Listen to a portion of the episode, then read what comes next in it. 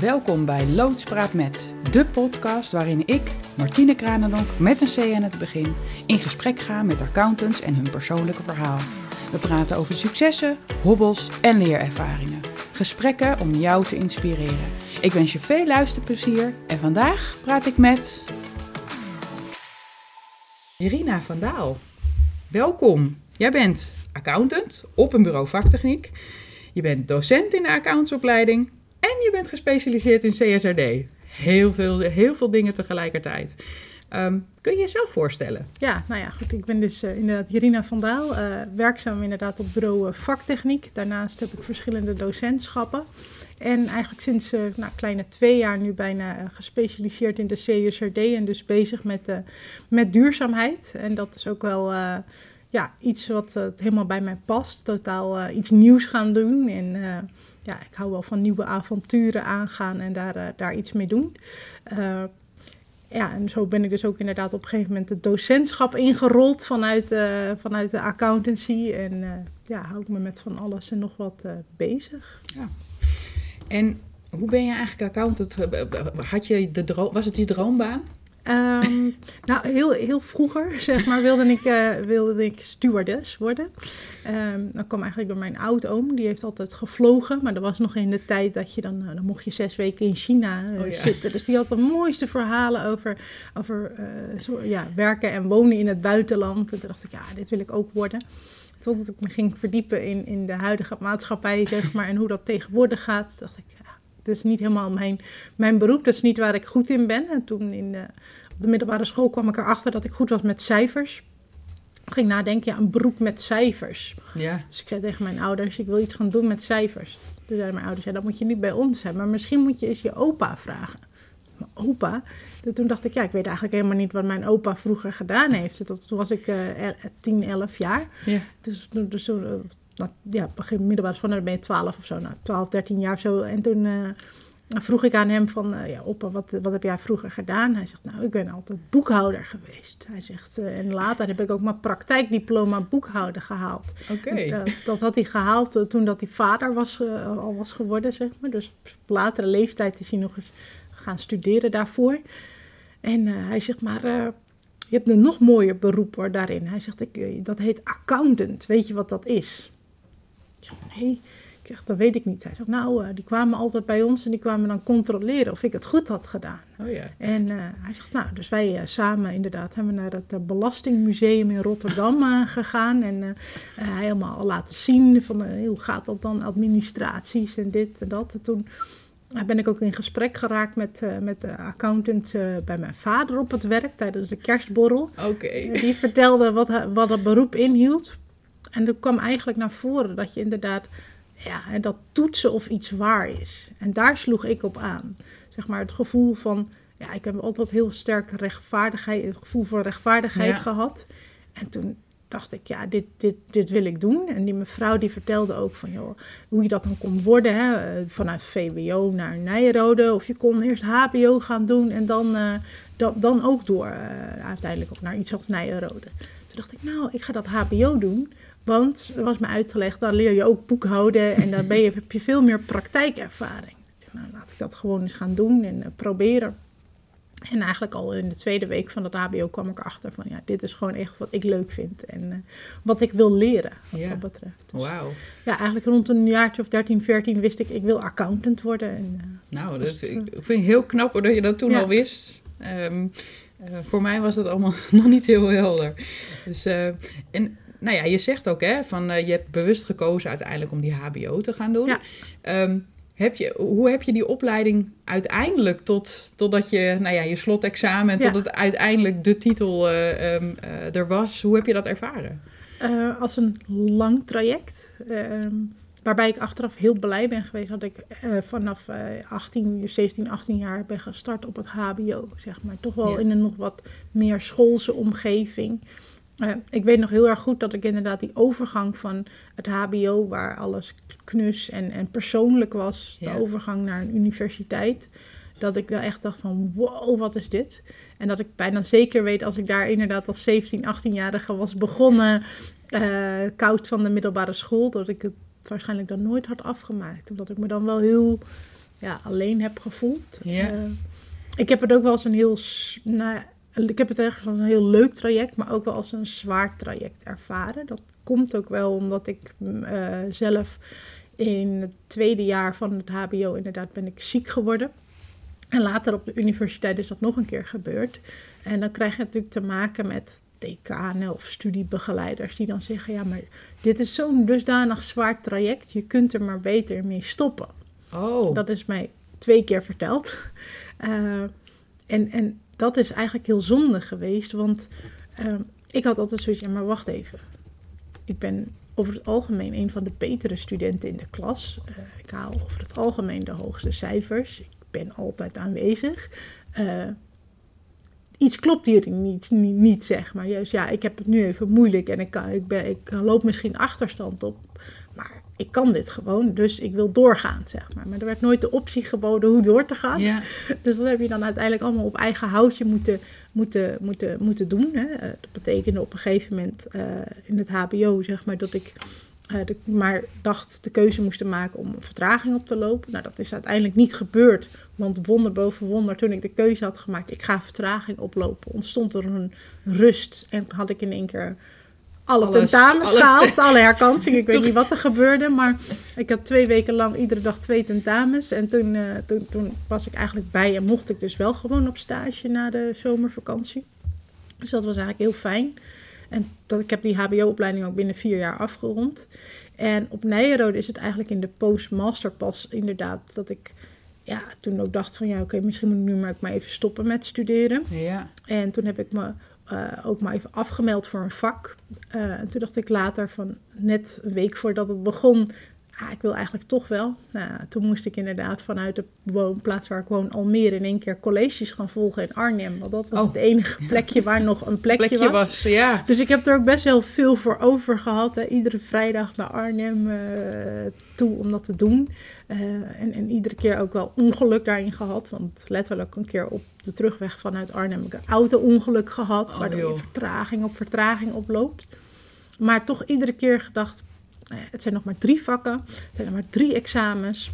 Ik kan dit, Ja. zeg maar. Ik, ik hoor, dit getuigt echt van een doorzettingsvermogen. Wat eh, echt, dat, ik denk dat dat het enige is wat je, wat je, wat je uiteindelijk nodig hebt. Zeg maar. Tuurlijk, je moet iets, iets leuk vinden, want anders lukt het je op een gegeven moment klopt. niet om door te zetten. ja. Ehm, maar achteraf, kijk, er wordt heel vaak gezegd: oh, die studie het is zo moeilijk en zo. Hè? Maar dat heb ik eigenlijk nooit ervaren. Omdat dat is iets wat je leuk vindt, dus je wil het leren, Ja. hoe lastig het ook is.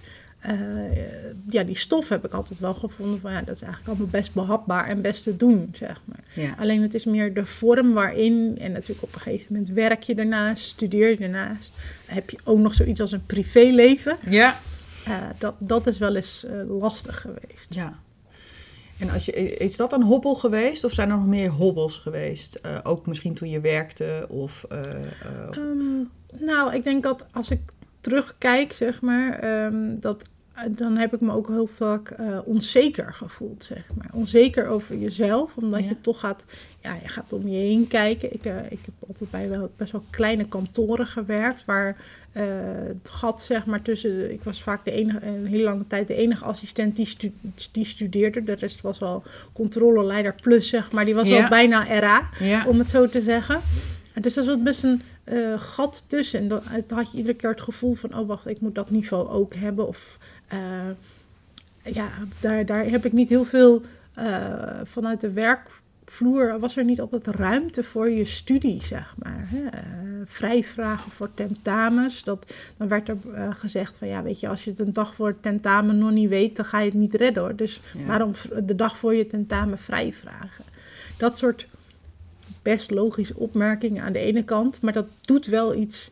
eh, dat, dat laat je dan soms wel eens twijfelen aan jezelf. Van ja, weet je, maar ik voel gewoon dat ik dat nodig heb. Eh.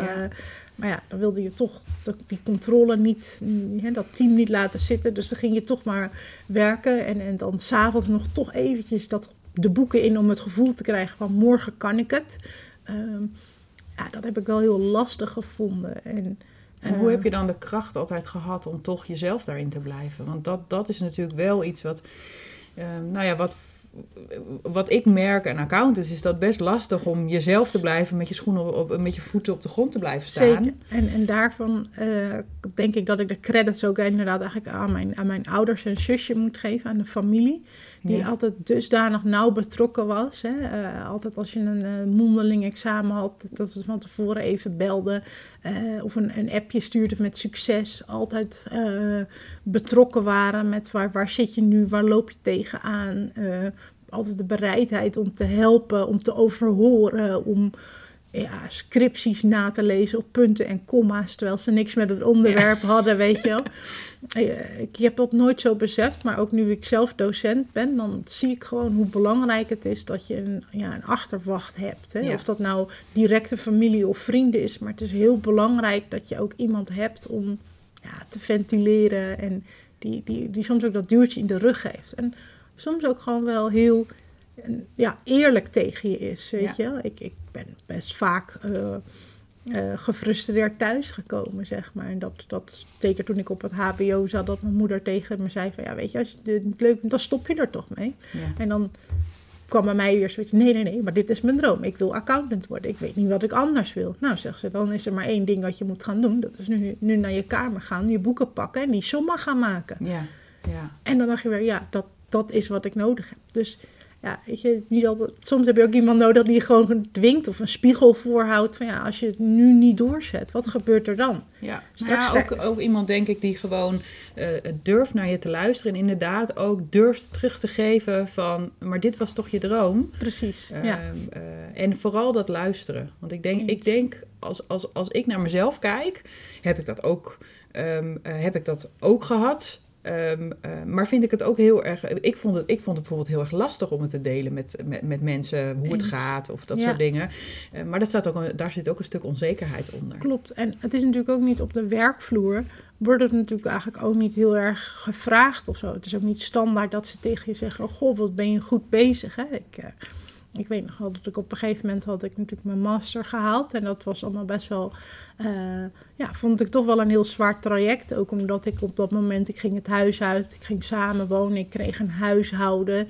Uh, dan ben je toch ook een beetje zoekende van, hé, hey, wat is je rol daarin? Je hebt een studie, ja. je hebt een baan. Uh, dan ook nog, toen de tijd sportte ik ook nog wel redelijk fanatiek. Dat wil je allemaal in stand blijven houden. Dat lukt natuurlijk niet. Um, maar dan op kantoor, zeg maar, hoor je ook niet heel vaak van, goh, je doet het goed. En juist dan krijg je op, enig moment krijg dan die onzekerheid de overhand. Of dan denk je, weet je, ik zit hier om acht uur s avonds, zit ik hier in mijn eentje mijn werk af te maken. Dit voelt niet goed. Waarom doe ik dit? Ja, niemand is er. Uh, ik voel me alleen. Uh, het lijkt wel alsof ik, omdat ik uh, daar alleen zit en de rest zijn werk wel af heeft, alsof ik iets fout doe. Um, ja, dat ga je dan ook inderdaad niet zomaar bespreken. Want ja, je, weet eigenlijk helemaal niet wat er leeft of, of hoe anderen dat zien. En dat is bij mij toen ooit zo hoog opgelopen dat ik dacht, ik ga buiten de accountancy verder. Weet je wat, die hele accountancy, ik ben daar als mens helemaal niet geschikt voor. Want ik... Maar was het dan dat je niet geschikt was voor de inhoud, de kennis, de of was het meer de, ja, zoals ik ze altijd noem, de randvoorwaarden? De, de randvoorwaarden, inderdaad. Gewoon de, de, de, de, de, politiek op kantoor, uh, het, het, het, het, doorgroeien, uh, dat, soort, dat soort dingen. En je ook niet, gewoon niet zeker voelen in dat vak. Terwijl qua kennis en dat soort dingen ja, dat is juist. Hè. Ik ben niet voor niets uiteindelijk bij ja. vaktechniek geëindigd. Ik ja. was daar dol op. Hadden we een VTO. Dan zat ik dus avond ervoor die NV-koststandaarden op te noemen. En ik ben toch altijd wel iemand geweest um, die bekend staat om de kritische vraag die dan gesteld werd. Dat ook weer dat handboek erbij moest gepakt worden. Van nou ja, hoe zat dat ook alweer? Dus dat heb ik altijd heel mooi gevonden.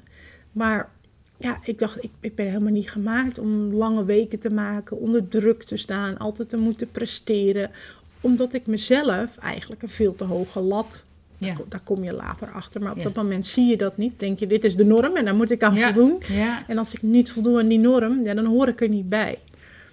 Uh, dat, dat, gevoel had ik altijd heel erg.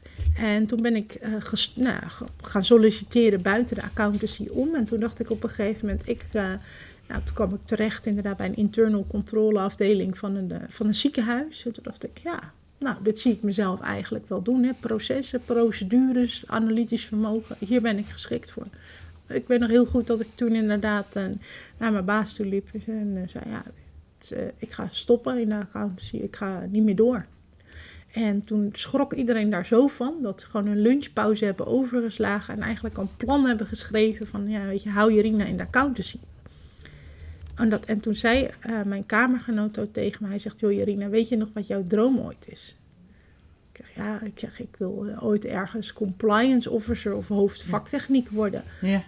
Hij zegt, en daarom moet je in de accountancy blijven. Ja. Hij zegt, jij bent geschikt als accountant. En toen dacht ik, maar waarom hebben die mensen dat nooit tegen me gezegd? Zo, en komt dat er nu zo uit? En misschien is het ook dat ze dat indirect wel gezegd hebben, maar ik ervaarde dat niet zo. Hè. Dat, dat is nu natuurlijk lastig te zeggen. Dat, Ja. dat, ik kan me prima voorstellen dat ook ik die, die, die, die complimenten die misschien her en der gegeven zijn, niet, Niet zo, ervaarde. ja. Want Ja. ik weet van mezelf, ik ben heel goed in dat weer plat slaan en denken, nou, dat zal wel. Hè. Morgen weer een dag wordt het nog beter. Ja. Dus dat, dat eh, maar daar, ja, daar kan denk ik veel meer over gesproken worden, ook denk ik op de werkvloer, zodat, je- ja, zodat mensen zich dan niet zo onzeker voelen. En dat Ja. had met, ja, ik denk dat het voor mij makkelijker was geweest als dat ook vanaf het begin eigenlijk een onderwerp, het zij dat dat op school meer besproken wordt, Ja. dan wel op de werkvloer. Dat had mijn traject, denk ik, ehm, ja, makkelijker eh, laten zijn. Zeg Ja. maar. En aan de andere kant, hè, vandaag de dag helemaal afgestudeerd, alles achter de rug, denk ik ook van ja. Het is ook wel een heel mooi traject geweest. Ik heb zoveel geleerd, dan wel qua kennis, hè, qua inhoud. Je hebt zoveel dingen gezien. En wat Eh. waren dan je successen? Als je dat dan, eh, op, welk, op welk vlak liggen die successen? Want daar ben ik dan wel nieuwsgierig naar. Ah, dat, eh, dat- kijk, het, ik was ook altijd wel iemand die gewoon hield van hoge cijfers eh, halen, zeg maar. Hè? Dat je voor een, een landelijk eh, HBO, de OAT, zeg maar, het, het, het, eh, de tweede cijfer van heel Nederland heeft gehaald. zeg maar. Oh, echt? Dat soort dingen, Zo, ja. Dat is wel een En succes. Ik ja. er nog steeds van dat, dat, hè, dat zeg ik nu ook Dat- tegen mijn studenten. Dat, dat, dat was namelijk een 8,3, dus net geen 8,5, Oh ja. dus net geen Negen. 9 op de lijst. Ja. ja. Ja. Dus dat is net jammer. En het hoogste cijfer was toen een 8,6. Dus het scheelt ook niet super Nee, veel. Hè? nee. Maar hè, dat soort dingen, dat, ja, dat blijft je bij. Eh, kijk, en, en andere successen zijn denk ik ook als je kijkt naar... Ik heb dat hbo gewoon in vier jaar afgerond. Er waren er toen ook maar twee die dat ge- gepresteerd On- hadden. ondanks de hobbels Ja. die je daarin ervaren hebt. Dus dat zijn zeker wel successen die je achteraf ziet. Eh, en ook inderdaad hè, met, met eh, toch wel ziekte en operaties en dat soort dingen. Eh, ja, ook, ook mijn master heb ik gewoon in, in, in de, Ja. de tijd die Ja. ervoor staat afgerond. Ja. wat dat betreft. En ook uiteindelijk ja, voor mijn dertigste gewoon registeraccountant geworden. Ja. En eigenlijk heb ik me dat nooit zo beseft als op dat moment heb ik nooit gedacht, goh, wat, wat, eh, ik, ik heb succes. En achteraf, eh, want mijn masterdiploma was de laatste diplomering die ik kon, live gezien. Want daarna Oh, heb, ik ja. heb ik alles in coronatijd afgerond. Dan Ja. wel geen diplomeringen gekregen. Eh, en dat moment op dat ik daar sta met, met mijn diploma in mijn hand, die foto, als ik hem nog eens terugkijk, ik straalde helemaal niet. Want het enige wat door mijn hoofd ging was, nee, wacht even, ik moet nog drie vakken, ik moet die postmaster nog doen, ik moet door. En dat is wel een lesje dat ik daardoor heb geleerd van, wacht even, alle, die dingen die moet je vieren, zeg maar. Ja, nee, ik, ik, ik benoem dat ook altijd als Ja. van kijk je naar de trap omhoog.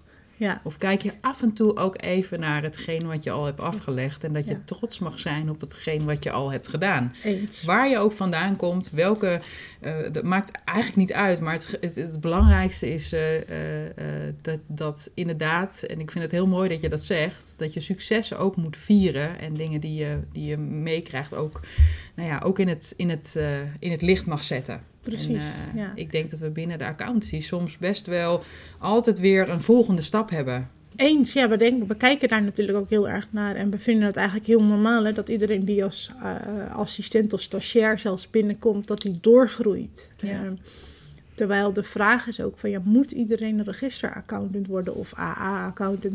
Is dat nodig?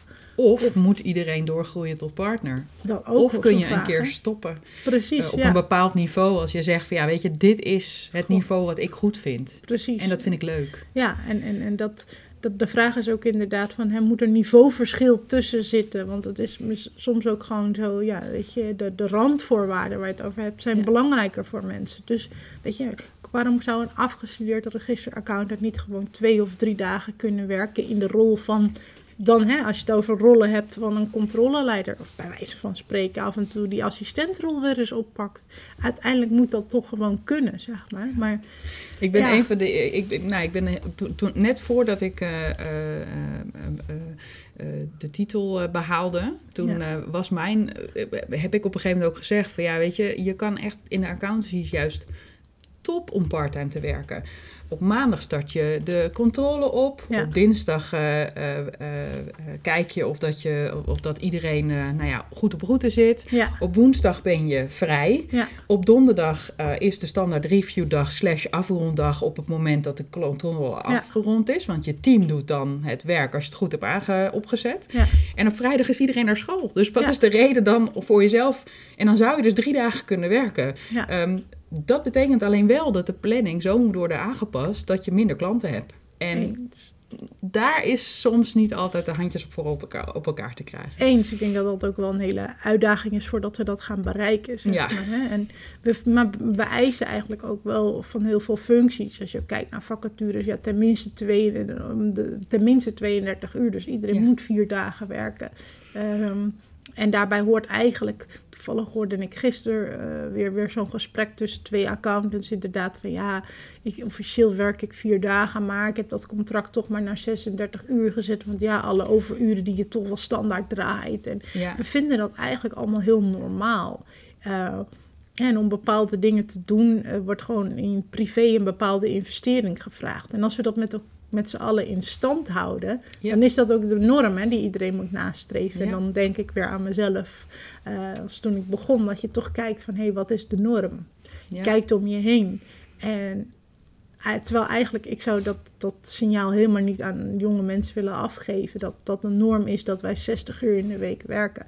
Ik vind dat dat is een keuze die je, die je, die je maakt. Hè. Eh, als ik nu naar mezelf kijk, ja, ik werk tegenwoordig ook 60 uur in de week. Maar dat is ook omdat ik met iets bezig ben. Een thema, de CSRD, wat nu zo nieuw is, zoveel aandacht vraagt. Maar dat is een bewuste investering waarvan ik weet, oké, aankomend jaar kan ik daar eh, van profiteren van alles wat ik dit jaar heb neergelegd. Nou, is weer meer tijd voor vrije tijd. En dan gaat dat in ja, hand in hand, of je kan er inderdaad over praten. ja. Eh, maar dan nog, inderdaad, eh, ben ik mijzelf ook wel bewust dat altijd als ik eh, iemand aan de lijn heb, dan vraag ik altijd, ja, hoe, hoe gaat het met je? Heb je? Hoe druk ben je? ja. En dat ik eigenlijk denk, ook wel bij gaan nadenken, ja, wacht even, ik, doe, ik geef ook dat verkeerde signaal af, hè, van altijd maar werken, altijd maar druk zijn. Ja. Ik, ik, ik stel wel eens de vraag aan mensen van hoe gaat het met je? En Ja. dan eh, is standaard het antwoord, nou ik ben druk. Ja, Of ik heb, en dan zeg ik altijd, ja maar ik vraag niet naar je werk. Ik vraag hoe het met jou gaat. En ehm, dat verrast mensen dan. ja, En dan denk ik, ja, eh, dat is een beetje zoals je in een winkelcentrum soms loopt.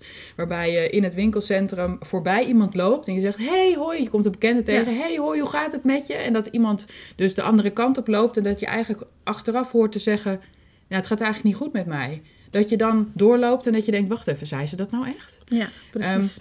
En volgens mij mogen we veel vaker stilstaan bij hoe het met mensen gaat. In plaats van hoe druk we zijn. Want volgens mij is dat Klopt. niet een eh, dat zou niet eh, de uitdaging standaard moeten vraag zijn. moeten zijn. Nee, en de, maar de uitdaging zou ook niet moeten zijn. En je had het net over planning. Van ja, weet je, halen we de planning? Ja. Nee, de vraag zou eigenlijk moeten zijn met de mensen die wij hebben, wat kunnen we aan? En, en dan krijg je een heel ander werksfeer. Want dan kun, kan je vanuit mensen redeneren in plaats van vanuit de klant, de planning, Ja. eh, het, het budget, hè, dat soort dingen. Dat, dat, dat is de andere kant op redeneren. Want Ja. dan leg je de mensen altijd iets op. Terwijl, ja, ik, ik ben ervan overtuigd dat als je eh, gaat kijken wat mensen in zich hebben. En dat misschien weten we dat ook wel onvoldoende van onszelf. Hè. Eh, als ik helemaal terugkijk, inderdaad, heb ik tegen momenten gehad dat ik Ja. helemaal niet wist dat ik het in me had, zeg maar. Eh, en dacht ik, nou, ik denk dat ik ooit een keer bij een bureau vaktechniek eh, eindig als ik twintig jaar werk of zo. Want die mensen daar, die, die hebben zoveel ervaring, die weten zoveel Ja.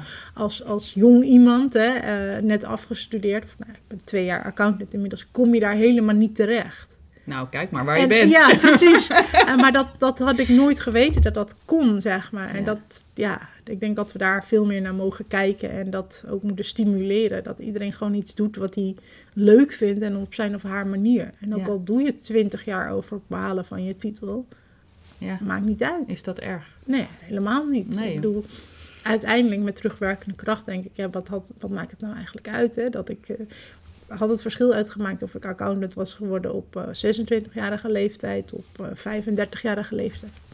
Helemaal niet. Nee. De enige druk die ik mezelf heb opgelegd is, ik moet dat voor mijn dertigste Ja. halen. Nou, die herken ik. En, en dat, ja, eigenlijk je daardoor misschien wel privé. eh, ik heb nooit een lange reis gemaakt. Omdat, ja, dat kon Nee. niet. Want je moest al in, Nee, in ja. september weer in die schoolbanken zitten. Of je moest je scriptie inleveren. Of je referaat verdedigen. Of hè, noem maar op wat we allemaal in dat traject zijn tegengekomen. En ja, daarvan, dat zeg ik ook altijd tegen mijn studenten. Weet je, neem de tijd die, die jij nodig hebt. En, en kijk niet naar hoe, een, hoe snel of hoe langzaam een ander Nee. dat doet. Maar doe hetgeen wat bij jou past. Want ja, uiteindelijk het resultaat gaat hetzelfde zijn. Hè? Ja. De mensen die er twintig jaar over hebben gedaan, staan ingeschreven in het register. De mensen die het in tien jaar hebben gedaan en alles ertussenin. Ja. We doen uit- uiteindelijk allemaal hetzelfde. Ja. En het is puur een of andere externe, dan wel interne druk, waar die we hebben, eh, ja, eh, die die versnelling veroorzaken, Ja. zeg maar.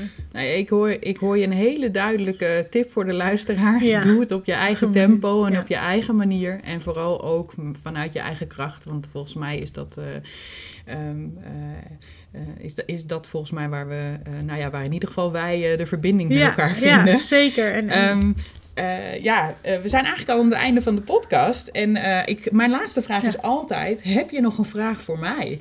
Eh, nou ja, ik ben eigenlijk ook wel inderdaad benieuwd hoe, hoe, ja, wat voor tip jij ook hebt, hè, richting denk ik ook wel met name het onderwijs. Er wordt natuurlijk heel veel gezegd nu over die, eh, over die opleiding. Hoe, hoe zie jij de ideale accountantsopleiding hè, eh, voor je? Wat, wat moet daarin zitten? Nou, eh, eigenlijk is dat een hele ehm, eh, simpele. Daar zitten twee pijlers in, wat mij betreft. Aan de ene kant gaan, leren we accountants hoe ze conceptueel moeten denken en analyseren. En conceptueel bedenken betekent dus niet een aapje een kunstje leren. Zo van zo werkte de IB of zo werkte de VPB. Of, eh, maar echt het concept erachter. En het leren analyseren is van waarom doe ik onderzoek? Welk onderzoek doe ik? Eh, wat doe ik met de uitkomsten? Welke conclusies kan ik trekken? Eigenlijk hetgeen wat de accountant in basis eh, zijn werk doet. Eh, en daarnaast, ja, eh, de andere grote pijler is eh, persoonlijke ontwikkeling. Want ik denk ook met jouw verhaal nu aanhorend, denk ik dat je met sommige inzichten die je nie- nu hebt, misschien wel eerder, nou ja, misschien ook wel had geholpen om misschien andere keuzes te maken. En ook misschien soms voor, en dan kijk ik ook vooral wel naar mezelf, ook soms om andere keuzes voor mezelf te maken. Waardoor ik nog beter uit de verf was gekomen. En Ja. dat, nou ja, dat, dat gun ik nieuwe aankomende accountants. Dus Ja. Dat. Nou, klinkt als een goed, eh, goed plan om eh, Ja, na te streven. nou, dankjewel Irina. Yes, en dank. eh, tot, tot de volgende keer. yes, dankjewel. Leuk dat je luisterde naar de podcast Loods Praat Met. Ik hoop dat we je hebben geïnspireerd. Ik ben heel benieuwd wat je van deze podcast vond. Laat je een reactie achter. Je kunt je ook meteen abonneren. Dan krijg je een berichtje als er een nieuwe podcast is. Heb jij interesse om ook met mij een podcast op te nemen? Neem dan vandaag nog contact met me op. Dat kan natuurlijk ook om kennis te maken. Benieuwd wat ik voor jou kan betekenen? Kijk dan op mijn website www.loodsen.nl met een T. Ik kijk uit naar jouw bericht en mijn volgende gesprek. Tot snel!